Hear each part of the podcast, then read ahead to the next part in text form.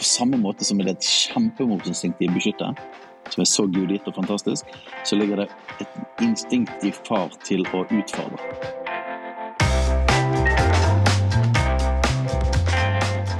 Jeg skulle til å si at det var sesongpremiere, men det er det ikke. For det er en annen episode jeg allerede har tatt opp, som kommer snart.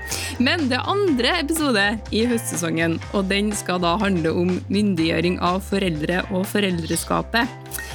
Og um, Det er jo utrolig mange stemmer som prøver å fortelle oss foreldre hvordan vi skal oppdra barna våre. Og Det finnes utallige bøker om oppdragelse, og det er veldig lett å finne masse forskjellig input på hva som er rett og galt å gjøre i alle situasjoner. Fører alt dette til at vi blir usikre på vår egen autoritet og rolle som forelder? For det kan jo være ganske lett å outsource foreldrerollen til såkalte eksperter, og slutte å stole på oss sjøl.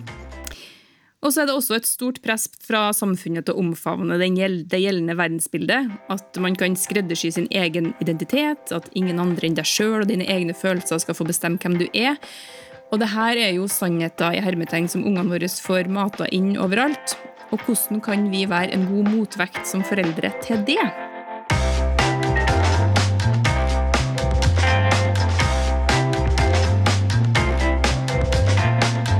Til å snakke om det her, så har jeg med meg Steinar og Katrine Loftnes, som er pastorer i menigheten Jesusfellesskapet i Bergen. Velkommen til Sendepodden. Tusen takk. Veldig stas. Så bra. Takk for at dere er med.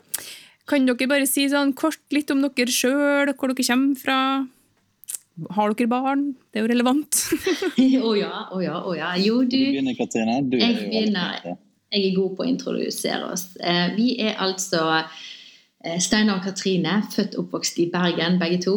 Eh, vi er 41 år, blir 42 i år. Og det som er litt gøy, er at det er bare fem dager forskjell mellom våre fødsler. Og det som òg er litt gøy, er at Steinar sitt hjerte har dunket lenger enn mitt hjerte. Så da kan jo dere regne dere frem til hvem som ble unnfanget først, og hvem som trivdes best inni magen, og en som ville ut litt før. Så, så jeg er altså fem dager eldre enn Steinar, men hans hjerte har slått lenger enn mitt. Yes. Interessant.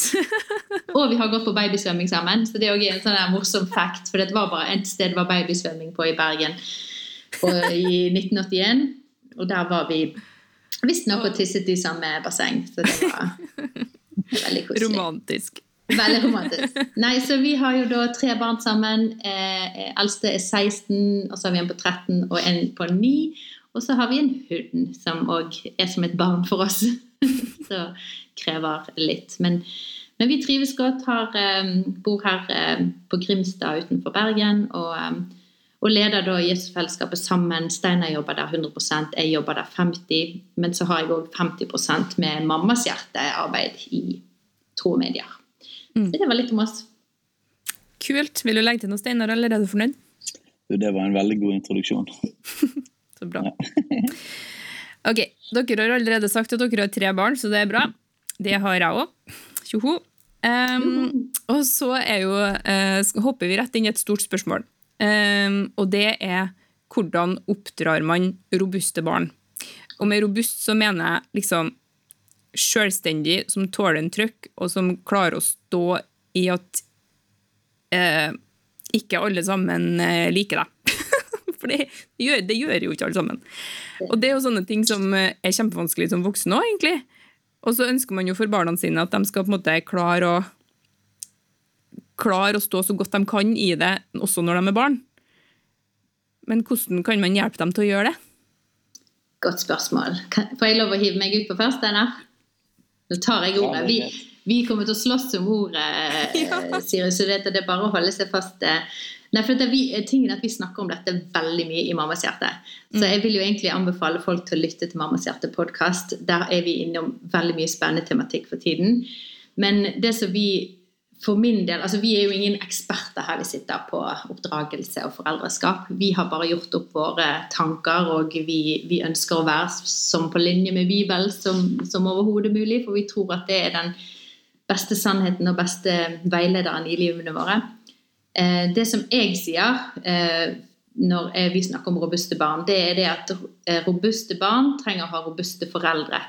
Så hvis du som forelder viser dine barn hvordan du lever livene dine, med at mennesker ikke liker deg, med at du står opp for meninger, eller du, eh, du takler kritikk, eller du eh, eh Det er noen du går veldig godt overens med i kjemi, det er noen du ikke går like godt overens med, allikevel kan vi snakke fint om de. Det tror jeg er den beste eh, oppdragelsen vi kan gi våre barn, er å vise med våre liv hvordan vi står robust i våre liv. da. Så, så, det som jeg alltid lander på, er at eh, en robust barn Bak et robust barn står en robust forelder som, som viser og eh, eh, former ut med sitt liv. Eh, og så forhåpentligvis gjennom det kan barnet plukke opp eh, noen, en kultur da, som man har hatt på hjemmebane. Mm. Eh, tenker du at det var i tråd med noe vi tenker sammen, Steinar? jo, jeg, jeg, liker jo alltid å gå i liksom det, liksom det, veldig sånn store bildet. Og, og, noe som både meg og Katrine snakker mye om i forhold til familie og foreldreskap og ekteskap, er jo Guds design. Altså at vi Gud har skapt oss som mann og kvinne, og mann og kvinne skal være ett, altså det ekteskapet. Og så skulle de være fruktbare og bli mange, så der har du familien. Og at vi har jo veldig tro på at selv om det finnes fantastisk masse gode teorier og pedagogikker, og sånt, og masse av det er kjempebra, så har vi veldig tro på, på måte, å legge mest trykk på det mest grunnleggende. Da. Så fordi at vi kan, vi kan bruke mye energi på å finne ut av liksom, detaljene. Men veld, veldig ofte syns jeg at man, man, overser de virkelig store tingene. Og um, vi tror vel egentlig det at det meste av jobben når det gjelder oppdragelse og ja, spørsmålet litt var robuste barn, eller trygge barn, noen som på en måte er, bærer en trygghet i seg sjøl, er jo at de vokser opp i trygghet.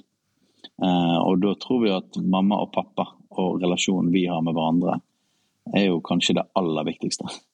Så eh, og sant, så Går man et hakk ned der, eh, under der igjen, så har jo det selvfølgelig med våre liv å gjøre og, og våre liv med Gud. Jeg tror jo at det finnes jo ingenting som gjør oss mer robuste i livet enn å være trygg i vår identitet i Gud og vår relasjon med Gud. Det er det som gjør at vi tåler trøkkene som livet mm. kommer med. Da.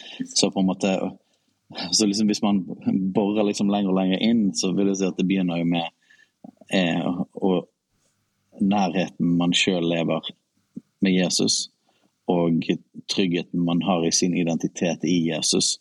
Og, og det å være hel, være hel på innsiden sjøl, være trygg på innsiden sjøl. Og vi jobber jo veldig mye med la oss si, ledere og unge ledere som kommer opp. Og sånn for oss så legger vel vi det aller meste av vårt trykk inn i å hjelpe folk å være trygge og hele. Ja. Eh, fordi liksom selve utrustningen og gavene og liksom de tekniske, liksom, det, er, det er mer krydder. Men det som virkelig tar arbeid, og som virkelig på en måte Det du sprer rundt det, da. Eh, enten det er det som leder i en menighet eller eh, i en annen jobb eller som det, eller foreldre. Det er jo på en måte det du har inni deg. Du, du sprer rundt det, det du har inni deg. Sant? Er du utrygg, er du, er du usunn sant? eller er du skadet, så vil det være veldig vanskelig å formidle trygghet til barna dine. Og, og det vil være veldig vanskelig å fungere godt i ekteskap eller sammen med noen. Så, så liksom Der legger vi nok hovedtrykket. da. Så Sunnhet og trygghet på innsiden sjøl, identitet, en relasjon med Jesus, men så da relasjonen med ektefellen. Eh, at, at, vi fungerer godt sammen og har det godt sammen eh, og har enhet og har en harmoni. Det betyr ikke at det ikke er, er, kan være konflikter, eller det kan være, men at det finnes en sånn trygghet i bunn. Jeg tror det at det skaper noe det gjør noe for barna. Og, og liksom, når du da kommer til liksom, akkurat hva skal barna ha på matpakken sin, og, liksom, akkurat når skal de legge seg, og akkurat liksom, skal du ta babyen eh, raskt ut på et eget rom eh, og la de skrike, eller skal de sove opp? Altså Alle sånne ting som jeg føler det blir brukt veldig mye tid på. Da, å diskutere liksom, at det er liksom alfa og omega om det går bra med disse barna. Mm. Så viser jo statistikken at, at de største problemene for mennesker generelt, er f.eks. farløshet. Mm. Eh, vokse opp uten far. Eh, skilsmisse skaper, skaper, en uro, for det, det handler med fundamentet. Sant? Foreldre som ikke har det godt sammen. Du lever, du lever lever, vokser opp i en familie der det, der det, er konflikt hele tiden, der det er uro hele tiden. Det påvirker barna. Så, Også, så, så, så, tenker jeg at barneoppdragelse og trygge barn på bussen ja. handler veldig mye om foreldrene sjøl. Så enig. Kan jeg bare legge til en ting der? For Vi vet jo at det fins folk som nå sitter og hører på, og når vi har hatt kurs, så kommer det folk etterpå. Ja, men dette er jo ikke noe håp for meg, for min mann gikk stakk for rusen, stakk fra meg, og jeg sitter her alene, og ja, er det bare ute og over for meg, da? Nei, altså eh, Vi tror Altså, vi må kunne snakke om hvordan vi tror at eh, Gud, har tenkt familie, Gud ønsker, hvordan vi ser og vi etterjager og lever våre familieliv på. Og jeg tror vi trenger undervisning på eh, hvordan i dagens samfunn, hva vi skal fokusere på. Men det betyr ikke at det eh, ikke altså Gud har jo kjempeomsorg for farløse og enker, alle disse som står i disse crazy situasjonene som ekteskap kan gå gjennom, eller familier kan gå gjennom. Og da finnes det gjenopprettelse, det finnes håp, det finnes eh, løsninger, det finnes eh, måter å, å kunne leve sunt på i de situasjonene òg. Eh, men eh, pga. skade og pga. Eh, vonde ting som har skjedd, det betyr ikke at vi, vi ikke kan snakke om hvordan Gud egentlig hadde tenkt det skulle være. Eh, for det er ofte sånn det har blitt. Sant? At mm. ja, men vi kan ikke snakke om eh, eh Om idealet, på en måte. Idealet, ja. Fordi at det er så mange som blir såret og krenket. sant? Mm. Men, men, vi har veldig kjærlighet og veldig stor forståelse. Vi sitter med masse mennesker som det har gått galt for, som ikke får til disse tingene. Og vi, vi prøver å hjelpe. og det, jeg, tror, jeg har så tro på at det finnes gjenopprettelse, det finnes løsninger, det finnes mennesker man kan knytte til seg som kan være disse gode støttepersonene. Men det, det, det tar ikke saken vekk for at de er nødt til å kunne undervise hva vi tror er sant og riktig i forhold til familieliv. Og eh, da er det som Steinar sier, det er så viktig dette med den enheten. Og Der fikk jeg et bilde som har bare hjulpet meg så mye i mitt foreldreskap. Det er dette med at det var en, en fosterbarn som var ganske skadet og var traumatisert og skulle inn i en fosterfamilie. Og denne fosterfamilien gjorde alt riktig, gjorde, prøvde å møte dette barnet, prøvde å berolige det, trygge det, gi det kjærlighet, gi det sunne grenser. Eh, men det var ingenting som funket. Det var utagerende, det var utrygt, det ville ikke stole på noen.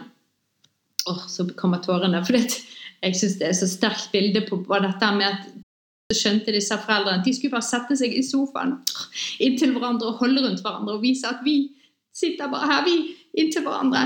Og det bare utløste en sånn enorm fred i dette barnet. da hvor på en måte ingen strategier og teknikker overgår denne enheten og denne nærheten som mor og far kan vise. Og jeg tror det er den fysiske måten å bare ligge og holde rundt hverandre foran barna. eller ja, det, det, er så sterkt da, bilde på det. Så, så, jeg tenker, Og det er så frigjørende for oss foreldre. For vi, sant, vi, får ikke til alle disse måtene å være foreldre på. Sant? Det er en umulig oppgave til slutt. Men det å klare oss å jobbe med, godt med partneren vår jobbe i enhet, jobbe i team, frigjøre hverandre til å være sterke på det man skal være. Jeg tror det er en mye lettere oppgave. da.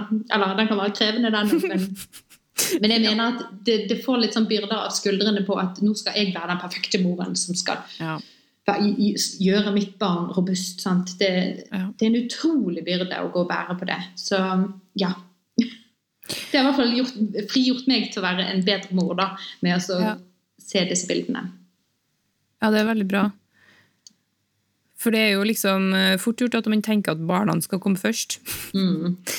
veldig. Oh, yes. Det er jo det man som ropes ut i vår kultur, egentlig. At ja. Eh, de skal være på en måte førsteprioritet. Men å prioritere enhet mellom uh, mamma og pappa det jeg merker jo det sjøl òg. Når, når, jeg og mannen min ikke er på nett, så er jeg mye mer usikker på meg sjøl som mor også. Mm. Um, ja. Det er interessant. Det er det. Og... Noe av liksom hele den her, eh, det gjør noe med hele tyngden og autoriteten og støtten liksom inn mot barna. For det er tøft nok å stå i alle tingene i oppdragelse og i utfordringene de barna har. Men hvis du ikke har den backingen for hverandre, hvis du merker liksom at den ja, Hvis du mister ikke bare 50% av trykket, men du mister liksom ja, Og det har noe med Guds ordninger å gjøre der. Det fins en sånn, sånn åndelig dimensjon av dette som er vanskelig å sette ord på hvordan dette funker, mer enn at du merker at det som er Guds design og Guds ordninger, der har Gud befalt sin velsignelse. Det er et eller annet som innenfor det, så er det en, så er det en velsignelse. Og utenfor det så er det mye hardere arbeid. Ja. Og jeg tror at dette er en spesiell eh, tiltale til oss mødre, egentlig. Fordi at vi, er så, vi har så lett for, og det ligger sånn instinktivt for oss å bare slippe absolutt alt og sette barna først. For det, det, ligger noe i oss at vi, vi, er villige til å gi livet vårt for barna våre. Mm. Eh, og jeg tror at akkurat her så ligger det en gullkiste for oss kvinner hvis vi forstår at ekteskapet vårt kommer før barna våre. Og det er en Gud, Guds ordning. Sant? Først ble de ett, og så skulle de bli mange. Vårt første kall er å være datter av Gud, og så være ett med vår partner. Og så kommer barna våre, karrieren vår, eh, andre ting i livet. da. Ja. Eh, og vi, vi, må ha denne her eh, prioriteringen på plass. altså Selvfølgelig skal vi være der for barna våre, 100% men det har med en, en slags indre holdning og en indre verdibygging da, så vi kan gjøre på, på, bare på innsiden av oss sjøl. Av at det er sånn vi, vi, bygger livene våre. Og så vil det gi utslag i hvordan de opplever familielivet. Og jeg tror der kommer det trygghet, robusthet og veldig mye spennende oppdragelse. Ja. Men litt tilbake til det at man har nødt til å være på en måte robust sjøl for å kunne oppdra robuste barn. Så tenker jeg på at i mitt liv så har ikke altså Man begynner å tenke sånn om herlighet. Jeg har ikke alltid vært så robust sjøl etter jeg fikk barn. Og har liksom strevd med identitet og, og ikke fått på plass På en måte virkelig skjønt hvem jeg er som datter av Gud. og liksom, Det er masse ting som har falt på plass de siste årene. Liksom, og Nå er eldstedattera mi elleve år snart. Og det er litt sånn herlighet, har jeg, har jeg skada henne på veien? Eller liksom ja. hvordan, Man begynner jo å tenke litt sånn. Ja, men det, det er så bra du tar det opp. Sant? For når vi snakker om disse tingene, så må vi putte inn så utrolig gode porsjoner med Guds nåde. Ja. At det liksom, det, så vi må, vi må, snakke om prinsippene som er riktige, og så må vi på en måte bare si at det er ingen av oss som får det til. Det er ingen av oss som har perfekte, eller som formidler dette perfekt. Så det handler mer om et større bilde da, som vi kan lene oss inn i. Eh, og så er det bare masse nåde Gud putter inn i der. Og om folk om, sant, um, Vi sitter med masse folk som har blitt skadet i sin oppvekst. Og som igjen så ser vi konsekvensene da det får, når de sjøl får familie. Men så ser vi det at med Guds nåde og, og, og, evangeliet kan gjenopprette mennesker og være med å dekke over. Og være med å fikse ting. Og så ser du at de vokser i trygghet, og så ser du at det begynner å blomstre mer. Og så ser du at ja, det fikk negative konsekvenser kanskje for barna noen år. Og nå snakker man litt sånn, litt sånn heavyere ting enn jeg tror du setter ord på, egentlig. Mm. Eh, og så ser du at ja, men, men, men, Guds nåde bare dekker det og fikser det og snur det. Så du, du kan tenke liksom at det skal være et sånn perfekt bilde på et eller annet nivå, fordi at vi alle vokser opp i en verden preget av synd. Så tror jeg jeg, jeg tror alle mennesker trenger runder med sitt hjerte og bli helbredet for ting. Altså, mm. absolutt alle mennesker trenger det. Vi trenger en kontinuerlig vandring med Gud. Og jeg personlig trenger jevnlige sånne der Gud må bare sette meg fri fra ting og, og, og helbrede meg og freshe opp i ting. Eh, og, og, det er på en måte en vandring da, som gjør meg mer og mer hel. Så vi må på en måte putte masse nåde inn i det, og så fyre inn en litt sånn veldig positiv ting. da. Eh, for når vi, når vi ser de som på en måte virkelig på en måte Som Gud som som det er håp for òg, som virkelig er skadet, men, men, Gud kan fikse det og snu det, så ser jeg at, eh, at eh, det er ikke så mye som skal til. Eh, som vi kanskje tror. Det, det handler nok mye, mye, mindre om alle detaljene og alle Ok, jeg hadde noen vanskelige år der. Det handler mer om disse store bildene. Holdt mamma og pappa sammen, f.eks.? Eh, og nå er det vanskelig nok, det med ekte, ekteskapet, og, det, og det, det går galt der noen ganger. Men hvis mamma og pappa bare holder sammen og har et rimelig ok ekteskap, så viser det seg på statistikkene at det har enorm effekt. Altså det liksom, bare liksom det her med at vi faktisk var en familie i de 20 årene, eller hvor, hvor lenge barna vokser opp, har en kjempepositiv effekt. Liksom. Bare det at liksom ikke man slår uh, hverandre, liksom. Og bare det at det ikke Altså Ja. Eh, det er som mannen min sier innimellom, det skal være så mye til. så. så jeg tror ikke det Vi kan bli så opphengt i alle detaljene, sant. Og liksom, å, nå gjorde jeg feil der. Og jeg tenker jo at hvor stor gave er ikke det å gi barna sine og vise at vi ikke får det til? At det er en ting som jeg tror i dagens samfunn eh, blir veldig glorifisert. Dette perfekte Instagram, både livet og rolle vi har i livet vårt, i ulike roller. Men utrolig viktig gave, både som oss som kristne, å anerkjenne at vi får ikke til livet vårt. Å kunne vise det for barna, vise hvordan vi rydder opp, vise hvordan, hvor avhengig vi er av Gud hver eneste dag for å, eh, at vi må lene oss til Han, vi må rope om hjelp fordi vi ikke får det til. Jeg tenker det at det er en utrolig god egenskap å egentlig bare vise til barna. Denne skrøpeligheten vår som, som, det står at vi skal rose oss av i Bibelen. Hvorfor skal vi være så himla perfekte? Jeg syns ikke det er en god egenskap å gi videre til barna sine i det hele tatt, egentlig.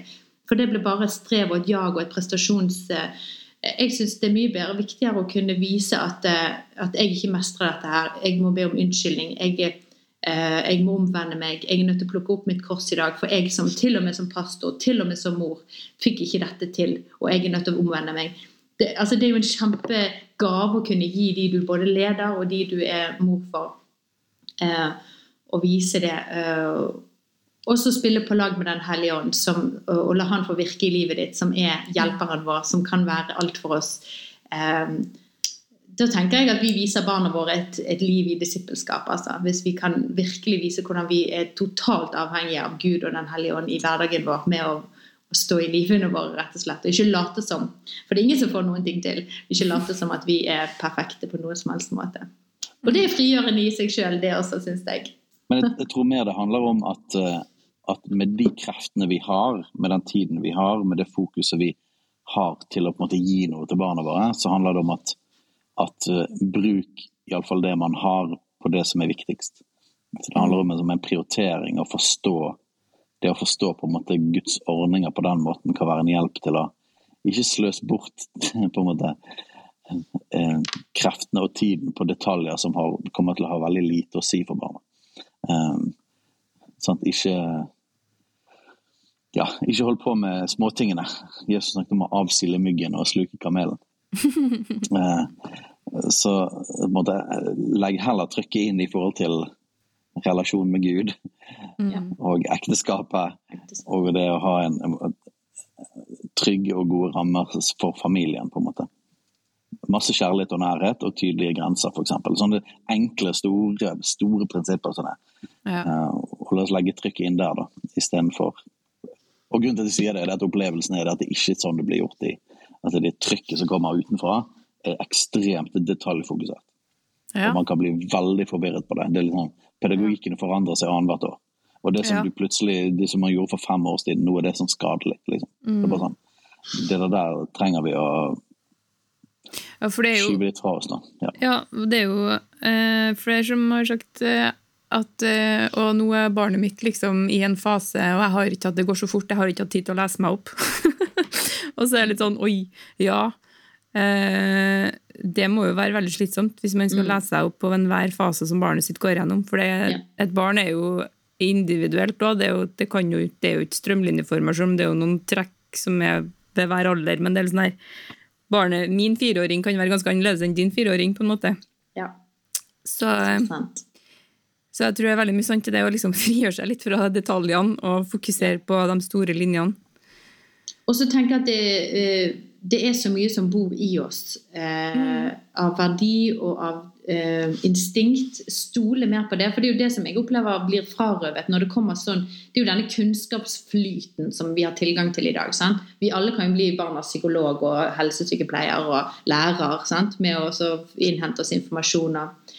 Eh, men rett og slett legge litt eh, vi snakker om dette akkurat i Mammas hjerte, så gå over og hør der. Um, dette med å stole på det som du allerede altså Legg vekk alt det der. Stol mer på det du har allerede i deg som person og verdier.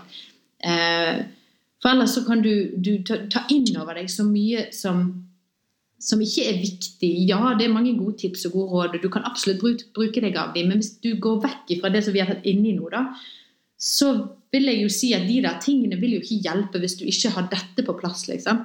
Så gå inn i deg sjøl. Du har så mye der. Koble med Gud først og fremst. Koble med din ektefelle først og fremst. Og så ligger det masse verdier der som dere har i hjemmet deres, som dere har behov for å prege hjemmet deres med. Skriv ned de verdiene. Ikke hør på hva verdens sosiale medier sier at du skal ha som verdier. Um, og så, så utretter dere liksom deres kultur. da.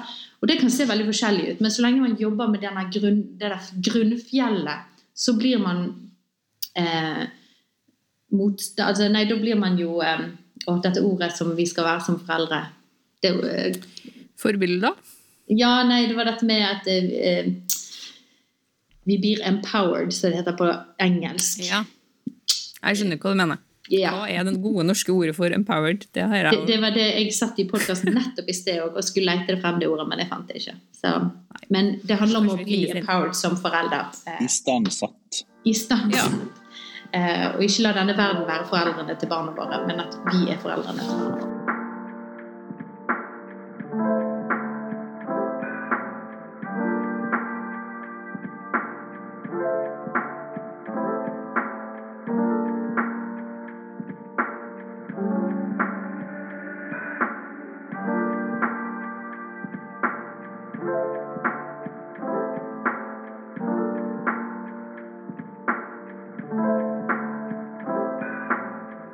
Mange veier vi kan gå her, men jeg vil um, bare gå litt tilbake til det der med å liksom vise barna våre at vi jo er avhengig av Gud, på en måte, og at vi er avhengig av å og ikke er perfekt. Har dere noe bare sånn konkrete eksempler? For jeg syns ofte det kan være så vanskelig å liksom Noen ganger føler jeg jo herlighet, jeg gjør ikke nok for å disippelgjøre ungene mine. Eller sånn, jeg vet ikke, Vi har ikke noe fast dag. Eller sånn, vi går i kirka, og så eh, ber vi en kveldsbønn, og så, og så føler jeg, og så leser vi litt i en barnebibel, og så blir jeg sånn der, jeg har ikke Verken jeg eller mannen min er sånne planfolk. eller sånn, det, Vi har ikke sånn og 'den dagen i uka gjør vi det', og sånn. Det er ikke vi helt Men ja, vi så skjønner dere hva Ja, veldig godt. jeg, jeg har et veldig godt tips. Jeg tror Ja.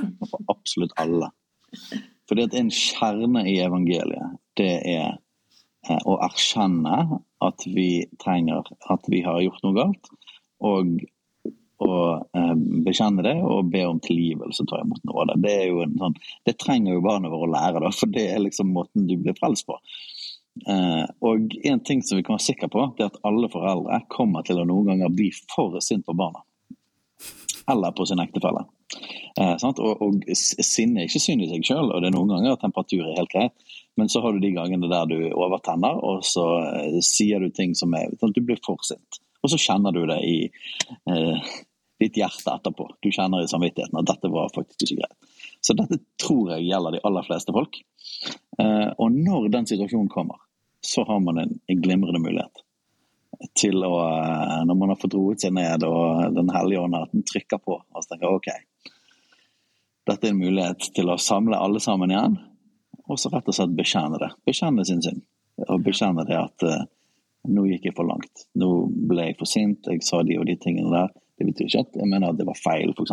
Det kan være at man var riktig det, det man sa, teknisk sett. Men det var ikke greit at jeg eh, sa det på den andre måten. Det var ikke greit at jeg ble så sint at dere ble redde, f.eks. Det kan iallfall gjelde noen, noen fedre. Eh, sikkert noen mødre òg. Og så kan man be om tilgivelse. Og så kan man be sammen. Og så kan man be om tilgivelse til Jesus og ta imot Guds nåde. Og så kan man fokusere på, på at eh, Jesus døde på korset for, for mine synder. Vi, og vi trenger å leve i nåde, og vi trenger å leve i tilgivelse. Og Da får de òg muligheten til å øve på å tilgi.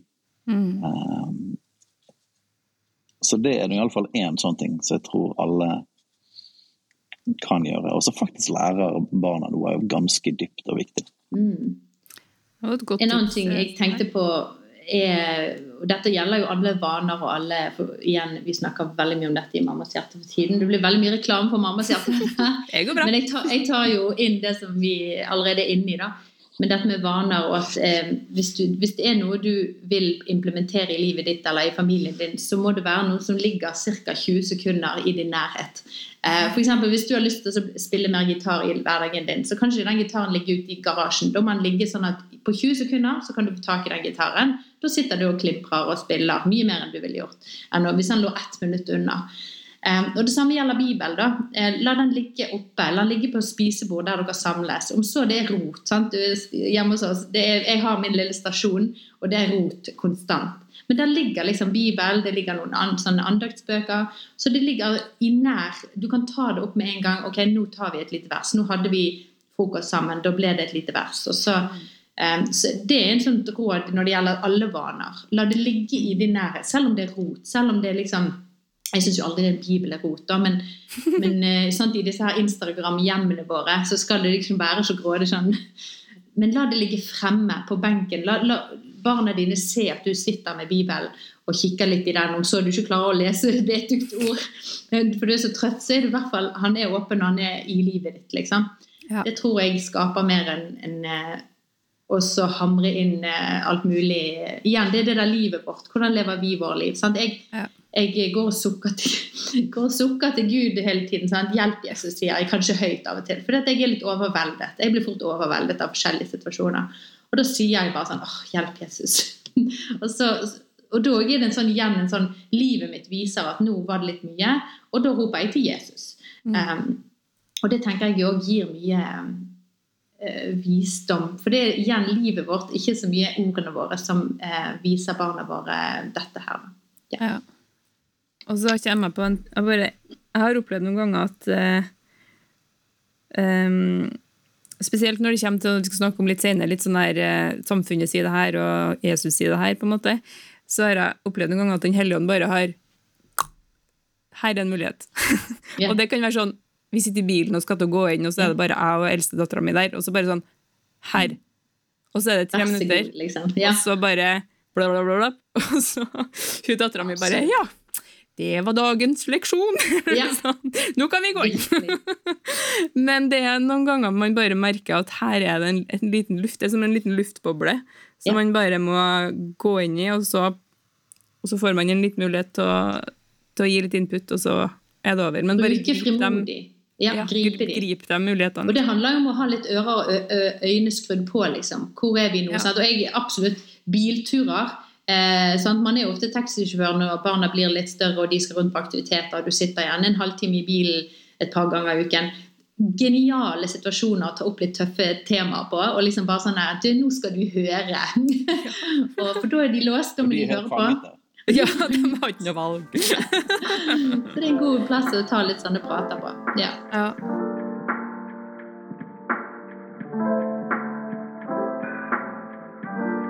Er det noe sånn uh, typisk uh, For at uh, vi snakker jo om Guds skaperordning, liksom. Og vi snakker om at mann og kvinne er, er forskjellige og utfyller hverandre i oppdragelsen, og at farskapet trengs. Um, um, ikke noe mindre enn morskapet, selvsagt, men liksom, det mangler det litt i samfunnet vårt. Men kan dere si noe om liksom, hvor viktig er det å være mor og far? og hva Og hva er liksom Hva er styrkene til mannen, og hva er styrkene til dama, liksom? I, ja, dette er jo en undervisning. I relasjon til oppdragelsen. ja, jo, dette er så, kjempebra. Ja, det, er dette er jo en, tema, det er stort tema. Vi har lagd en en og en halv times undervisning bare på akkurat det spørsmålet. Så skal prøve å, å, å, gjøre det kort. Men det handler jo om hva Gud har skapt kvinnen til, og hva Gud har skapt mannen til, og hva han har lagt ned i hver enkelt av de, som vi opplever og ser at samfunnet visker mer og mer ut, og det blir en slags Samfunnet vil at det skal være en glidende overgang eh, imellom eh, disse to eh, rollene. Og, ja? Og igjen, her er det jo det er mange kvinner som har sterke maskuline trekk og egenskaper, og mange menn som har sterke feminine trekk og egenskaper. Men sant, her er det jo Vi snakker om en Hva skal du kalle det for, Steinar? En Ja.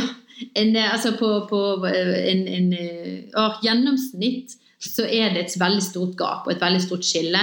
Og, og, igjen, for det om at det finnes eh, folk som, som det, kjenner seg mer eh, maskuline eller feminine, så, så det, kan vi ikke likevel snakke om at det er et stort skille. Og Gud, vi tror at Gud har skapt vi ser det tydelig i Bibelen, har skapt et stort skille mellom mann og kvinne. Jeg, jeg, tror faktisk det er veldig viktig å understreke akkurat den tingen. Fordi at det finnes variasjon i personlighet. Det er ikke alle menn er like med hverandre, og at ikke alle kvinner er like. For det, det, er jo helt åpenbart, og det merker vi jo. Og, og, og, eh, men pga. den sannheten så blir den sannheten brukt til at dermed så er det egentlig ingen forskjell på menn og kvinner. Mm. Eh, og det er en, er en så grov overdrivelse av, av virkeligheten. og Det er jo veldig masse statistikk på disse tingene. Det har blitt forsket masse på forskjell på menn og kvinner. Um, og vi ser, vi ser, det statistisk sett i samfunnet at det er en enormt stor forskjell. Så vi har en tendens til i vår kultur, fordi vi er så redd for at eh, minoriteter, de som på en måte skiller seg ut fra mengden, vi er veldig redd for at de skal føle seg undertrykt eller føle seg eh, bli lei seg, på en måte, fordi at de ikke passer inn på en måte i standarden. og Derfor har vi en tendens til å da fjerne standarden. Vi, og, og, og bare, så åpner man opp alt sammen for at et, et, mindretall ikke skal på en måte bli lei seg. Da finnes det muligheter å gi rom for folk som på en måte ikke treffer helt gjennomsnittet, uten å sprenge hele greien.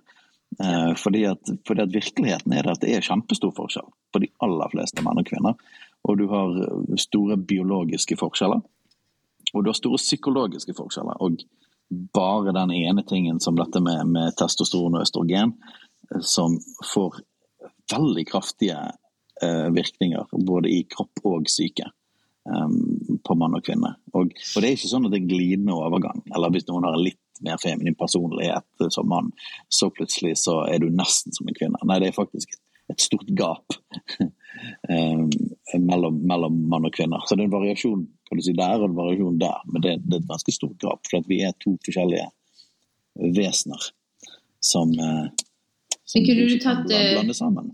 Du, du husker, eh, for vi har jo noen sånne fantastiske uh, lister uh, som, som, er liksom Dette er manns styrker, og som man tar med inn i farsrollen. Dette er kvinnens styrker, som hun tar med inn i morsrollen. Um, husker du de listene ja, i hodet ditt, Steinar? Ja, for det, det, er jo mange ting man kan si om det. og det er ikke, ja. Vi kan kanskje hoppe over de mer sånn fysiske um, biologiske tingene. Der er, det, der er det masse forskjeller. Men de forskjellene fysisk sier òg noe om funksjon. Uh, for vi tror at Gud har skapt oss med en hensikt, så det er ikke bare sånn tilfeldig. Men at roller òg henger sammen med, med, hvordan vi er skapt fysisk og psykologisk. Uh, men de psykologiske forskjellene er jo kanskje de som får aller mest virkning på det som er barneoppdragelse. Og, uh, ja.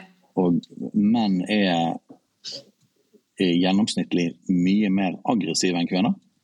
Um, og aggresjon Jeg blir, tenker det er noe negativt i utgangspunktet, men uh, vi pleier å bruke et annet ord, spesielt fordi at vår, vår lille gutt er en veldig sånn superstereotyp gutt.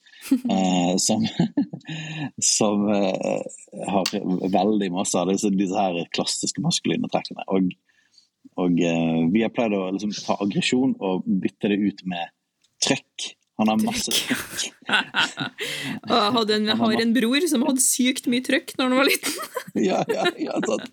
Uh, så det er på en måte intensitet og kraft, på en måte. da. Ja. Uh, og det kan uh, oversettes til aggresjon. Aggresjon kan jo være positivt i noen tilfeller. Mm. men, men trøkk er egentlig ganske greit ord, syns jeg, forklare mm. det. Og bare den biten av testosteron, som menn har 20 ganger mer av kvinner, mm. har ekstremt mye med trøkk å gjøre. Mm. Og sånn er det bare. Det er, liksom, det er ikke noe verken kvinner eller menn kan gjøre noe fra eller til på. Sånn, vi, er skapt sånn. Mm. Um, og da er jo spørsmålet hva er hensikten med det? Um, og veldig ofte er det så mye veier å gå her. Vi må prøve å konsentrere inn. Men, men det, er, det, finnes en stor utfordring i vår kultur og i skolesystemet og sånne ting. At, at det går veldig mye energi inn på å dempe guttenes naturlige trøkk. da. Mm. og, og, og, jeg tror på det at man må ja, du blir nesten sett på De må fungere i samfunnet, men, men samtidig ja, du blir sett på som ja. forstyrrende og negativt, og man eh, får gjerne pålagt noen diagnoser fordi at man har litt mye trøkk. Altså, det blir liksom Det blir så eh, negativt eh, behandlet, da. Disse her veldig sterke eh, ja, mannlige eh, egenskapene. Så, ja, så jeg synes jo det er jo et kjempeproblem, syns jeg. Eh, at det ikke kan bli rommet. og gjerne, sant? Det må jo læres å brukes på riktige måter. Sant? Man kan ikke bruke denne, dette trøkket til å skade, til å trykke ned, til å til å, å, å, ta feil plass. Men det må brukes, læres å brukes på rett måte. Sant? Men jeg mener at man skal ikke viske det ut. Man er nødt til å gi rom for det. Man er nødt til å sette ord på at dette er noe som er gudgitt. Vi skal ikke gjøre om samfunnet så ikke det finnes aggresjon eller trøkk eller eh, ja, kraft i det lenger. Ja, det blir og, og, for, og for å prøve å dra det inn til oppdragelse, da, så tenker vi at ok, har dette noe å si med i forhold til hvordan mannen er skrudd sammen, og hva det vil si da å være en pappa? Og Da tenker vi at dette her er trøkk eller denne aggresjonen er ment fra Guds side til å kanaliseres ut på en positiv måte. Og Hvis du da tar vekk rollene, som er da så eh, politisk ukorrekt, og sier det at mannens rolle f.eks. skal være å beskytte eller være en kriger, være, få lov til å på en måte kjempe for familien. Um, og gå i spissen, sånn, løpe foran alle sånne type ting da, som har med roller å gjøre. Hvis, hvis ikke liksom man får lov, det, at det ikke finnes en rolle da, som er lov for mannen å bruke trøkket positivt inn i, så tror jeg at vi bommer. Og nok en gang, Ja. ikke alle menn er på denne måten. Man har mest testosteron i begynnelsen av 20-årene, etter hvert så daler det seg litt og man blir slipt og sånne ting, så det er jo en historie i seg sjøl. Men det ligger noe i hele hvordan menn er designet som gjør at, at det er viktig å finne positive kanaler for det. Og veldig ofte, hvis du ikke får det i familierolle, eh, både inn mot barna og i ekteskapet, så vil som oftest det trykket bli tatt ut i karriere og arbeid. Ok. Ja. Eh, eller en eller annen hobby, eller en merkelig hobby, eller et eller annet sånt. Jeg tror det er veldig vanskelig å fjerne det fra menn, men du kan kanalisere det inn på en eller annen, eller, eller en destruktiv måte. Um, så Ja, og Da får du en mann som ikke er gjerne like tilstedeværende og er, er til stede som den mannen og faren. For det, det, det kan jo vi sikkert snakke litt mer om dette med at, eh, at moren er i hovedsak eh, en trøster, en, en som skaper og rommer, sant? Eh, som oppfostrer, og som, som ser til alle detaljene, behov, behovene, ser veldig godt i. Det ligger mye mer naturlig og gudgitt i en mor enn en far, som kan, som kan komme inn med denne kraften og være mer konsekvent, f.eks. Sette rammene, eh, være mer tydelig i ledelsen, hvor mor gjerne blir gjerne utmattet av å klare å lede tydelig og være liksom på disse rammene og grensene som barna egentlig trenger. Men hvor en far kan komme inn og være en utrolig god, kjærlig, men veldig tydelig eh, ramme som barna møter. At ja, jeg elsker deg, men du kommer ikke forbi denne grensen her. liksom. Eh, og, og det trengs, for dette mødre de slites ut av å prøve å være akkurat det som en mann egentlig skal være her, tror jeg.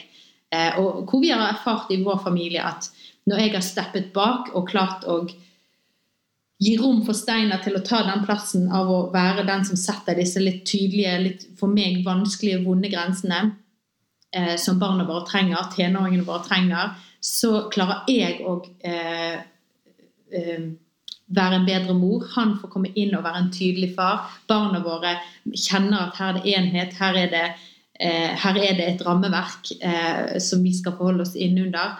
Men det er trygghet, det er eh, kjærlighet. Så, så tror jeg at en far finner sin plass. eh, eh, og dette er jo noe som vi må jobbe med hele tiden. For en, en en far vil ofte gjøre ting på litt andre måter enn det mor har lest i boken, eller eh, har en eller annen strategi om at sånn og sånn må det gjøres. Og det må vi som kvinner igjen tydelig beskjed til alle kvinner der ute, at, at vi er nødt til å tre tilbake med alle våre strategier, all vår kunnskap som vi har forsket, vi har lest, og vi har liksom nå må du snakke til barnet på den og den måten. Vi må, vi, det er greit, vi kan ta det med oss som råd og tips inn i måten vi eh, gjør foreldreskap på. Men pappa må få komme inn og være pappa. På den måten han eh, instinktivt kjenner er godt og rett. og ja.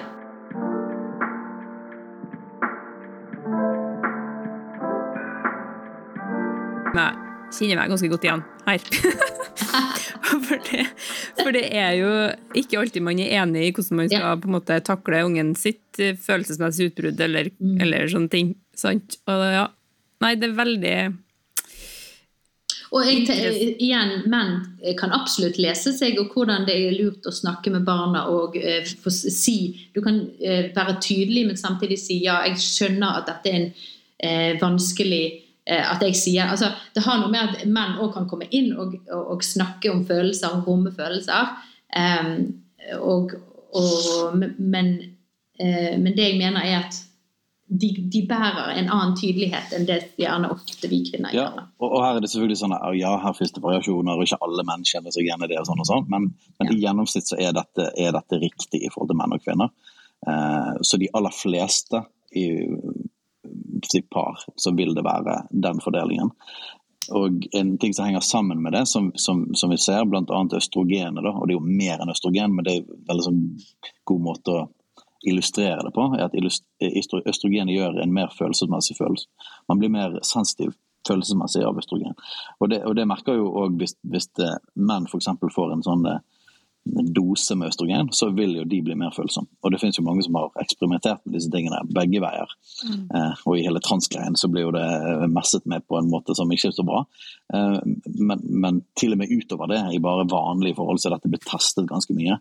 Så østrogen gjør en mer følsom. Og, og, vi vet jo sant, premenstruell og menstruasjon og overgangsalder og, og hvordan det er etter fødsel sant, og ammetåke. Altså, vi, vi vet jo ganske mye om disse tingene. Uh, og vi vet at kvinner blir mer følsomme i alle de, alle de gangene der østrogenet går opp. Så får det en sånn direkte konsekvens. Men det er òg en stor forskjell på menn og kvinner generelt. Så det betyr at menn i gjennomsnitt er mye mindre følelsesmessig sensitiv. Og det høres jo òg fælt ut, da. Eh, men det gjør at det er mye lettere. De fleste mødre blir mer sliten av liksom, konflikten rundt barna og kaoset med barna. Eh, og, og, det er nok fordi at mødre er mer skrudd sammen til å fange opp ting. Det er jo mm. typisk ting der med å kunne høre babyen som, som, griner om natten, og pappa hører ingenting. Eh, og liksom den sensitiviteten tror jeg er en sånn gudeskapte ting. da, yeah. At man har bare ultrasensitive sanser, både følelsesmessig, en sånn kobling ofte til barna som gjør at, liksom, at barna skriker liksom, rett inn i sjelen. Mm. Um, og alle disse tingene tror jeg er en gudskapt ting, men kvinnen uten da beskyttelsen av en mann som på en måte er skrudd sammen annerledes, tror jeg konsekvensene blir utslittende. Uh, og der tror vi at, at man kan komme inn og Det er en hjelp da, at man er mindre sensitiv. Og det spesielt, Vi har jo en sånn greie med at når, når det liksom lyser rødt på Katrine, at det bare liksom, nå er det bare nok, så har vi en sånn greie med at ok, Katrine, nå må du ha en timeout, og nå må du inn på rommet og slappe av, og så tar jeg tingene her. Og så koster det meg mye mindre. Og som oftest for menn så koster det mindre. Min utfordring til menn er at menn ofte på en måte melder seg ut av hele greiene. Og vi, vi, har, vi tenker at nei, mennene bør til steppe opp og være involvert inn i dette. Og kan bruke sine styrker, da, eller hvordan man er skrudd sammen, til å, til å kunne avlaste mamma. Eh, og til at man kan jobbe bedre i team, og at det kan være lettere. Da. Og, ofte så det, kan pappa være strengere. Det står jo i, i Bibelen til og med at dere fedre eh, Jeg husker ikke akkurat sitatet. Vekk ikke Vekk ikke sinne hos ja. deres barn. Så den her en spesiell liksom eh, ja. ja. Mindre sensitivitet, mer aggresjon kan gjøre at du blir sintere. Sånn. Du kan bli overdrevet sint. Men fedre blir ofte sintere på en litt annen måte. Det blir litt mer voldsomt når det først skjer, mens, mens mødre oftere liksom har en lavere terskel for å bli sur. Da. Det er, liksom, det er en sånn annen type sint kjefting men det er ofte slitenhet mer det med mer på. Ja. Men ofte så er det ikke kanskje, det er ofte et tegn på at nå er det nok. Ja. Eh, og at det trengs mer en sånn, mer sånn kald grenser og, og, tydelighet, som det er ofte mye lettere for, for pappa å komme inn med. Så hele den dynamikken mellom de, bare de to forskjellene der, der ligger det masse nøkler. Ja, ja, unnskyld. Nei, jeg kjenner meg i eller sånn bare Vi damer må være ganske flinke eller sånn, må bli flinkere til å anerkjenne mannens intuisjon og, og på en måte innebygde gave når det kommer til foreldreskap òg. For jeg kjenner meg så gæren igjen i forhold til at jeg mener i en situasjon så mener jeg at her bør du, min mann, møte mm. barnet vårt på denne måten. og så er han uenig i det. Um, og så, så, blir jeg helt sånn nei, nei, kan, altså, nei, man må man må liksom høre på følelsen, anerkjenne følelsen, og så gå videre. Du kan ikke hoppe over noe av det der, liksom. Men, men, det er jo klart at man må jo ikke gjøre det på den måten alltid heller. Og. Og her er, jo, her er, det jo, samarbeid og forhandling og hvordan, men nøkkelen ligger i at det, hvis man finner en måte å kunne jobbe disse tingene sammen, så er det en, så er det en avlastning for begge. Altså I, i sum så sparer man krefter, og det er bedre for barna. Mm. Eh, men klart det er jo ikke alltid lett å vite akkurat hvordan. Men så har jo menn, menn har et mye større, mye mindre problem med at barna blir lei seg. Ja, ja. det så blir det Så, og faktisk så ligger det et farsinstinkt i at veldig, og dette er det nesten alle fedre jeg snakker med, kan kjenne seg igjen i dette. Vi føler instinktivt at barna trenger av og til å bli litt lei seg. og vi føler at de faktisk For det ligger på samme måte som det er et kjempemorsinstinkt de beskytter beskytte, som er så gudgitt og fantastisk, så ligger det et instinkt i far til å utfordre. Ja. Sånn her, ja, men i lengden så må de lære å takle livet. Så liksom sånn, Vi vil at de skal få litt vondt. Både følelsesmessig og fysisk. Men ikke sånn at det er farlig. Liksom, og der ligger noe sånn veldig instinktiv liksom der, konflikt, eller en veldig forskjellig måte å deale ting på. Og så skal det ikke bare være mannen eller bare kvinnen sin måte, men, men, det finnes noe gull inni å la begge slippe til i det. Ja. Ja. Katrine, nå har du trippa litt.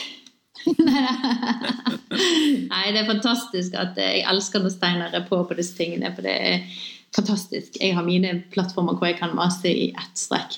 Nei, men eh, det jeg ville bare si, er jo at eh, du, Steinar, har jo hatt en veldig sånn eh, iboende selvsikkerhet på å ta din plass veldig naturlig. Men, jeg, men, det jeg ofte hører, er at det er veldig mange menn og fedre som syns det er vanskelig å møte sin veldig selvsikre og utdannede kone og mor som, som, er så tydelig på måten å gjøre det på. Og så føler han liksom Men jeg vet jo ikke helt. Jeg har jo ikke helt eh, så, Og én ting er at vi kvinner virkelig må, må eh, og det går tilbake til at Vi er nødt til å koble vår, vår ektefelle aller først. Han kommer før våre barn. Vi i sammen partnerskap skal utforme en måte å møte barna våre på. Så vi som kvinner må vende vårt blikk til vår mann og koble med han. Og ikke bare utdanne oss til å bli liksom, eksperter på barna våre, så skal vi forvente at mannen skal komme og gjøre det på vår måte. Det er min liksom, tiltale til kvinner. Men, eh, og så steppe litt tilbake og la han få Men hvordan kan eh, menn som opplever at det er litt vanskelig å møte denne veldig selvsikre eh, lidenskapen, altså selvpåofrende moren, hvordan kan en, en mann og en far komme inn der, da, Steinar? Har du noen oppfordring til hvordan man kan bli en eh, Det er ikke alle som gjerne føler på den samme selvsikkerheten som du har hatt fra start. da. Um, det kan være litt skremmende, liksom. Ja, dette er en skikkelig utfordring. For, for, eh, for mannen har fått en litt sånn her underlig rolle. Vi er et slags vakuum i kulturen vår på hvor liksom, hvor hører liksom egentlig mannen til, eller hva skal man egentlig gjøre? Eh, og, og, derfor så møter jeg ganske mange usikre menn. Usikre fedre. Det er kanskje mm. hoved, hovedoverskriften. Det er litt sånn, jeg mm. vet ikke helt. Eh, og, og, jeg tror jo bare det å snakke om det sånn som vi gjør, at forskjellen på menn og kvinner, at det er gudskapt, at eh, ekteskapet eh, og oh, det er så mye ting å snakke om her, eh, og det er vanskelig å snakke om det kort, men vi tror jo, vi tror jo på, på, at Gud har designet familien sånn at mannen er hodet i familien. At man, men at mann og kvinne skal, være, skal, fungere sammen i enhet, i partnerskap. Eh, og begge de to tingene der eh, må fungere for at liksom, du skal få en god dynamikk ut av det.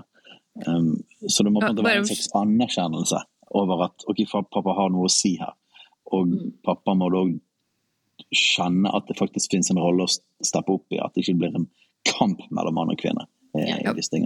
ja. Det, det, man kan jo ikke på en måte kreve å være hodet i familien, man må, man må få ja. Dama må gi, må gi en lov. Eller på en måte. Sånn at det, hun må tre ned. Jeg opplever liksom at damene har liksom tatt en plass som ikke egentlig er hennes, og det sliter oss totalt ut. Vi har så mange utslitte, overveldede dette har jo med hele fødselsraten, hvorfor den går ned. Sant? Og karriere, feminismen altså Det er så mye greier baki der. Men, men, en kvinne har tatt en plass som jeg ikke tror hun vil ha innerst inne, men hvor på en måte samfunnet eh, legger en slags Du skal opp der, og du skal være alt. Du skal være den perfekte moren, du skal gjøre det sånn og sånn, og sånn, så skal mannen komme inn, og du skal gi han plass. Nei, vi skal tre ned til den plassen som vi er skapt til å være på. Til å være fullt ut den fantastiske kvinnen vi skal være og så lage det rommet for at jeg trenger beskyttelse. Jeg klarer ikke dette sjøl. Jeg klarer ikke å stå alene med disse ungene. Du, jeg er nødt til å kunne trekke meg tilbake, og du tar. Og, og, og vi står sammen i dette og kobler med sin partner og gi Jeg tror det er enormt viktig at vi kvinner trer ned ifra den eh, rollen som vi har prøvd å ha lenge. Det er ikke godt for oss, det er ikke godt for familien vår, det er ikke godt for barna våre. Men anerkjenne eh, vår partner og vår mann og gi han den plassen han skal ha. Og så liksom gjøre det vis Jeg kjenner bare på en sånn enorm frihet i den handlingen der, da. Eh, slippe å nøk Nøkkelen ja. handler jo at det handler ikke om dominans. Verken mamma ja. eller pappa er kalt å dominere. Mm. Eh, og, og, det som har med forskjellige roller og hode og sånne ting, handler jo ikke om dominans. Men det handler om et, en, en, en, rolle, en modell som Gud har skapt. Og hvis vi fyller våre roller, så vil, vil det være en velsignelse i det. Og mannens rolle som hode er å løfte opp, er å løfte opp kvinnen.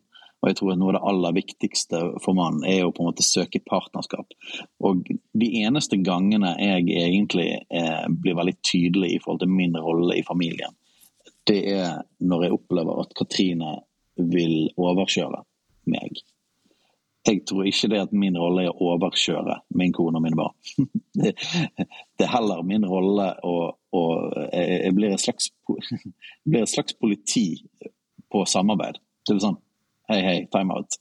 Vi må finne ut av dette sammen. Vi må jobbe med dette sammen. Så Det betyr at du kan ikke bare dure på, men det betyr heller ikke at jeg bare skal dure på. Mm. Nå skal plutselig alt bare gjøres på pappas premisser. Nei, nei, det, det er ikke Guds design. Guds design er mann og kvinne sammen, med våre styrker, med våre svakheter. Vi må forhandle disse tingene, vi må finne det, det ordet som var helt forferdelig når jeg var yngre, men nå er blitt så vakkert. Kompromiss. eh, vi må finne kompromisser, vi må finne veiene sammen inn i dette her. Mm. Og, og, ja, Så å være hode betyr ikke 'jeg bestemmer alt'. Nå er det, nå er det kun mann. Jo, nå er vi ferdig med liksom, feminismen og sterke damer. Nå skal jeg bare kjøre på bare min gren. Nei, nei, nei, det er ikke det det handler om. Men det handler om at må, min stemme må være viktig i familienoppdragelsen Og din stemme er kjempeviktig, min mm. kone. Og sammen så, så utfyller vi et større bilde av Gud. Um, og, men det ligger mye i denne her å slippe, slippe til og for mannen sjøl å få kjenne det at man faktisk har en, en eller annen rolle. For at mammaer og kvinner er så instinktivt utrustet til, til, det med barna. Det er helt sånn fantastisk og kraftfulle ting. Når man blir gravid og man føder et barn. Altså det, er, det er så kraftige saker. Og det er klart at, at Hvis det ikke finnes en verdi hos moren for å slippe pappa inn der, så er det ganske vanskelig å komme inn. Mm. Eh, og da skal du ha en veldig uh, selv, selvsikkerhet. Og noen har det.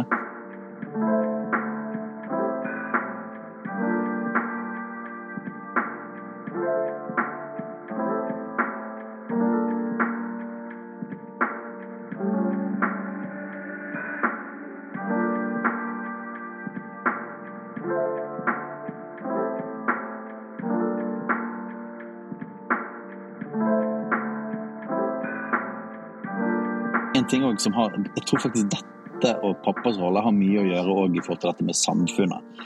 Fordi at, fordi at veldig mange menn har òg eh, det er klart at alle, alle, ting har sine negative sider. Negativ, den negative varianten av dette vil være at man er arrogant, Eh, og er ego, liksom, og tenker at jeg vet best i, i verden. Men en av konsekvensene av testosteron og forskjell på menn og kvinner, er at menn har gjennomsnittlig mye større tro på seg selv. Noen ganger, noen ganger så er det ubegrunnet. så det, det, betyr ikke at man faktisk har rett objektivt sett, men det betyr det at, at, av en eller annen grunn så er vi psykologisk skrudd sammen sånn. At man er, man er mer eh, trygg på seg sjøl. Og det har, får en konsekvens når det gjelder på en måte hva, hva forskjellige mammaforum sier, eller hva de sier på VG+, eller, eller liksom hva som er den nye moten i forhold til hvordan man skal gjøre ting. Eh, det at pappa får lov til å være i sin rolle i familien, betyr at liksom, vet du hva? det er ikke de som bestemmer. Mm. Det er jeg som bestemmer, og mm. jeg bestemmer på en sånn måte at vi skal bestemme sammen. Mm. altså, ja, ja, ja. Det er rollen min. Jeg er hodet i familien. Det betyr at og min rolle er å gå tett sammen med min kvinne, og vi skal være rett og vi sammen er barnas foreldre. Og det er vi som finner ut av det. Det Gud har lagt ned i oss, vi tar selvfølgelig imot råd fra, fra Guds ord og fra venner og kjente og fra ø, samfunnet, men det er som at det blir filtrert gjennom et veldig tydelig lederskap i familien, mm, ja. som er oss to sammen. Det er ikke mm. sånn at den nyeste moten bare slår rett inn, og der bestemmer det. Nei, vi må, vi må bli enige at dette her er riktig. Og det synes jeg er veldig... i menn ja. tror jeg er veldig viktig for å beskytte familien. Ja. ja.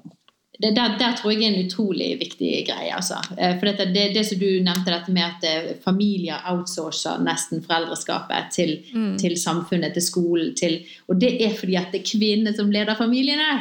Come on! For dette, vi blir mm. usikre på eh, oss sjøl. Apropos østrogen og alt dette. Vi er mer usikre på oss sjøl, på måten vi ønsker å gjøre ting på. Så derfor går vi ut og ser ja, men hva er det eh, psykologene skriver nå. Hva er det helsestasjonen sier nå. Så vi outsourcer mer. Men hvis vi spiller i partnerskap med vår ektefelle som, som er mer at vi leder familien, vi vet hva som er best for vår familie, lytter til den, den stemmen av selvsikkerhet som en, en mann har, og så kan vi ta inn, vi kan trekke inn eh, tips og råd fra samfunnet og ta det med i den praten. Men eh, det blir ikke da samfunnet og eh, eh mammaforumene som oppdrar familiene, da, hvis vi, vi leder på den måten. Og min jobb er også å, å, å, sammen med selvfølgelig Gud direkte til hver enkelt kvinne og hvert individ, så er også min jobb å si men Katrine, du er en kjempegod mor. Du er kjempebra til. Dette er utrolig bra. Å være med og, og støtte og, og, og skape trygghet. Men nei, vet du hva, vi får dette til. Jo da, selvfølgelig så er det ikke alt, vi, alt som går, går, greit, og vi tar feil her og der. Men det er ingen krise. Uh, vi, vi, får disse tingene til. Dette så kommer måte med det perspektivet. Fordi, man ikke man, fordi man er mindre følelsesmessig sensitiv, så blir man ikke like overveldet. Og man, eh, det er jo nesten sånn, Skal du få en kvinne eh, som har barn til å gråte, så er det bare å si du er en god mor. fordi, at, fordi at de fleste mødre kjemper med det. Mm. Jeg er en god nok mor. Får jeg dette her til? Eh, og så har du fedre, og det betyr ikke at de er flinkere. Det betyr bare at de er skrudd sammen sånn. Det bare, ja, selvfølgelig er jeg en god far. eh, så hva med at man tar det og sier men vet du hva? Vi er gode foreldre. Du er en god mamma. Ja, og du trenger ikke å få bekreftelsen utenfra fra de andre mødrene for det. Jeg kan faktisk være med og bekrefte det. Vi gjør en god jobb. Ikke mm. perfekt, men ved Guds nåde og ved at vi holder oss til disse grunnleggende tingene her, så, ja, så, så gjør vi en god jobb det kommer til å gå bra med barna våre. Mm. Ja. ja.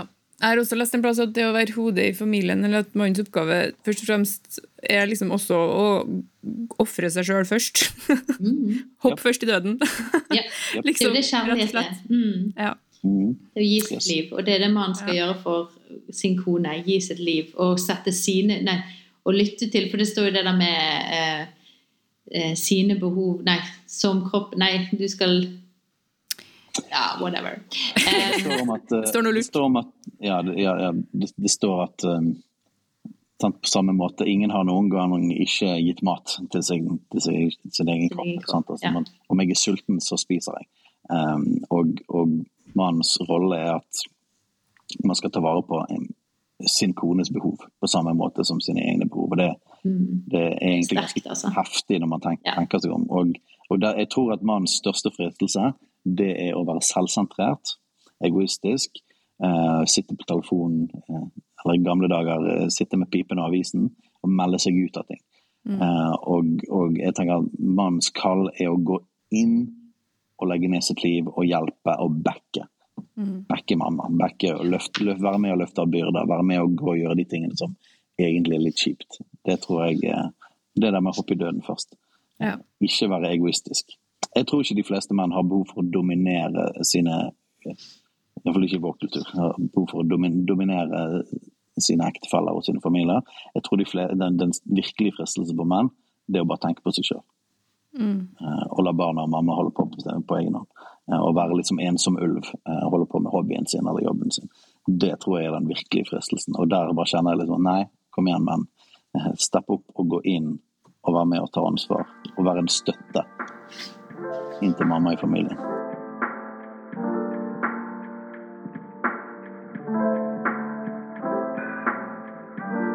over på en litt annen side av oppdragelsen, som handler eh, litt om, om måte, samfunnet vi lever i, og eh, hvordan Jesus sier vi skal leve, som jo på en måte krasjer eh, litt på mange områder. Eh, så Det siste spørsmålet, da, som er et stort spørsmål i denne episoden, eh, det er jo hva om skolen da arrangerer et pridetog, og alle sammen skal gå i det. Og hvis man som forelder har litt problemer med det, hva skal man gjøre da? Og så må jeg bare legge inn en liten sånn kommentar for min egen del. at Hvis pridetoget bare hadde handla om at man skal kunne liksom leve et liv uten å dø fordi man er homo, så hadde jeg gått i det 100 liksom. Mm. Um, og det er mange som jeg kjenner som mener at det er bare det det handler om. og, da, og, og, det står jeg fullstendig bak, men, men, det er liksom når Foreningen FRI står bak det, som står for et helt annet verd, verdensbilde, egentlig, som handler om at du, du bestemmer sjøl hvem du er, den kroppen du er født med, har ingen, egentlig ingenting å si. Det er bare det du føler som er sant, og at man jobber for at det skal være lov til å ha flere enn to foreldre, to, flere enn to skal få lov til å gifte seg, og alle sånne ting. Så da, da blir det litt for mye for meg å skulle på en måte sette meg sjøl i den situasjonen. Um, og det kan jo, kan jo, være for flere. Så hvis, hvis, hvis man opplever det her, da, at skolen på en måte arrangerer noe sånt og forventer at alle skal være med og gå i det her toget, hva skal man da som forelder gjøre? Jeg kan starte. Stein... Utfordrende og tøft. Ja. ja. Steinar, eh, du har jo, kommet kommer jo til å eh, ha mye å si på dette, tror jeg.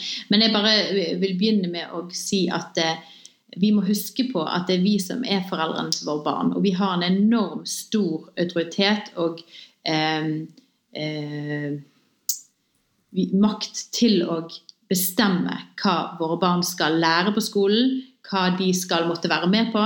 Eh, Norge er fremdeles et eh, fritt land, og eh, trosfriheten er der. Og vi skal kunne komme som foreldre inn til skole og si at dette har jeg problemer med. Eh, dere respekterer ikke våre, vårt livssyn, vår tro.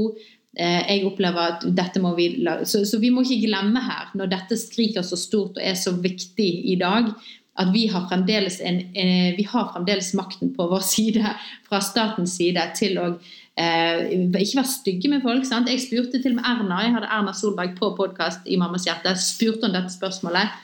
Eh, kan vi som foreldre fremdeles eh, sette grenser for hva våre barn skal være med på? Eh, hva sier du hvis vi eh, eh sier nei til å være med i pride? Sånn? Og Da sier hun jo, så lenge vi er snille med hverandre, ikke sier noe stygt til noen, så, så, skal dere fremdeles få lov til å ha eh, deres bestemmelsesmakt. Og da sier jeg ja, steike heller, da må vi bruke den, da. Foreldre, ikke bli så redd for dette enorme presset som er. Eh, fordi at vi har fremdeles muligheten til å stå opp og snakke med skole. og Da handler det om å ha gode, eh, være ærlig, være eh, frimodig, men ikke være stygge. Men folk skal ha respekt. Folk skal ha, eh, lytte til at vi har fremdeles en tro som går, går på helt på linje, eller eh, ikke på linje med det som samfunnet sier i dag. Og det skal det være rom for. Eh, det er mangfold. Og det må samfunnet fremdeles lytte til. Og det tror jeg vi ikke må glemme, vi er nødt til å styrke hverandre som foreldre og si at vi har fremdeles den makten. Vi har fremdeles foreldremakten i våre barns liv eh, til å prege dem. Om de ser et regnbueflagg og de ser masse forskjellig, det må, Man må bli vant med å, ha respekt for og snakke fint om og, og, se ting som går i samfunnet som ikke er på, på linje med våre verdier. Og Det syns jeg vi skal ta inn i familien og snakke om. Men å være med og feire, være med og løfte opp Eh, at barna skal ta dette inn som en del av feiringen i sin skolehverdag. At eh, vi feirer pride. En ting er at jeg ser et pridefag, jeg ser at de går i tog. Jeg respekterer at dere gjør det, men jeg er ikke med å feire det. Eh, det er noe man kan lære barna å skille mellom. Er jeg med å feire noe, eller ser jeg på at noen andre feirer og respekterer at de skal gjøre det, men at jeg ikke er med på det? Jeg tror at her har vi fremdeles en foreldrestemme, og som ikke vi må være redd for å bruke. da. Vær så god, Steinar. Følte meg som en politiker nå. Nei, men det, det, det, er veldig vanskelig å komme utenom smerter i disse tingene her. Og, og eh, på en eller annen måte så må vi, må vi, nok venne oss til at det finnes en smerte av å følge Jesus. Um, og at det vil koste noe. Um, og Kanskje det aller vanskeligste er på en måte det med at, oh, nei, barna, det at barna skal føle seg liksom utenfor, at de skal være mm. annerledes sant? på grunn av det på en måte foreldrene sier. og Det, det er vanskelig, det er vondt. Mm. Um, og så er det på en måte bare et eller annet med at vel, vi, vi ønsker å lære barna våre å følge Jesus, og etterfølgelse av Jesus kommer òg til å bety en pris. Det kommer til å bety at uh, noen kommer til å synes vi er dumme. Uh, og da må vi heller eh, Da må vi undervise dem om hvorfor. Da må vi, da må vi snakke om det. Da må vi snakke om dette med å følge Jesus. Da må vi snakke om den prisen eh, det koster. Så må vi be for dem, og så må vi stole på at Gud vil kompensere den prisen det er for barna å måtte, måtte være annerledes, måtte være teite. Uh, med at Gud òg velsigner barna våre. At Gud gir de kraft, at Gud gir de styrke. Um, vi gjør de en bjørnetjeneste hvis vi tenker at vi bare vi unngår ubehaget. Mm. Um, fordi at dette ubehaget vil komme. Hvis de skal følge Jesus, så vil dette ubehaget komme. Og på akkurat dette området så vil ikke det bare, det vil bare bli kraftigere og kraftigere. og Ehm, og så, kan jeg også si at Humanetikerne har tatt barna sine ut av skolegudstjenester helt siden vi var små. Mm. Ehm, det var alltid noen som hadde noen humanistforeldre som tok de ut. Så de var villige til å la barna sine betale prisen for å være de teite. Hvorfor skal ikke du være med på kristendomsundervisningen? Hvorfor skal ikke du være med? Vi hadde jo kristendom da vi var små, mm. ikke KRLE. Mm. Da var det liksom de humanetiske barna de liksom ikke var med, og det var jo litt sånn rart. og sånn. Det gikk noe bra med de men det er som at hvis de var villige til å både sjøl som humanetikere og la barna sine måtte betale prisen for å være annerledes, mm. eh, skulle ikke vi som følger Jesus, være villige til det? Eller muslimene, De er mye flinkere til å sette de grensene eh, og å tørre å være upopulære og annerledes. Um, og, så det, går, det, blir jo et spørsmål etter hvert om hva er det vi egentlig tror på, og, og tror vi på et evangelium som mange har en kostnad og har en pris for oss. Um, og nå blir vi testet på det. Um, før var det kanskje liksom å ikke være med på den festen, eller å mm. ikke drikke liksom som de andre, eller ikke eller sette noen av disse her type grensene. da. Um, men nå, kanskje for første gang i, i, vår generasjon, så er det sånn at det blir en litt sånn offentlig mm. greie som vi må betale en pris for. Å være de som er annerledes, og være de som er teit. Men, men jeg tror vi, bare, vi må bare omforme det. Ja.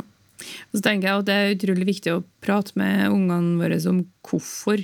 Det er jo ikke fordi at vi har lyst til å være så kjipe, men at det handler om det store bildet, da, som du snakker om, Steinar. At det, liksom, det handler om verdens, hvordan man ser på verden, og hvordan man ser på skapelsen, og hvordan man ser på kroppen, og hvordan man ser på liksom, At vi tror at det er noen som står bak alt det her, og at ting ikke er tilfeldig. Fordi Hvis man forstår hvorfor, så er man jo mye mer villig til å stå i ting òg. Og jeg synes, og det er en veldig god ting, og selv om det er jo helt sinnssykt mye crazy inn i hele FRI og, og sånn som det. Vi snakket jo litt om dette på vår podkast, Kulturkrigen, mm. i hele pride-måneden.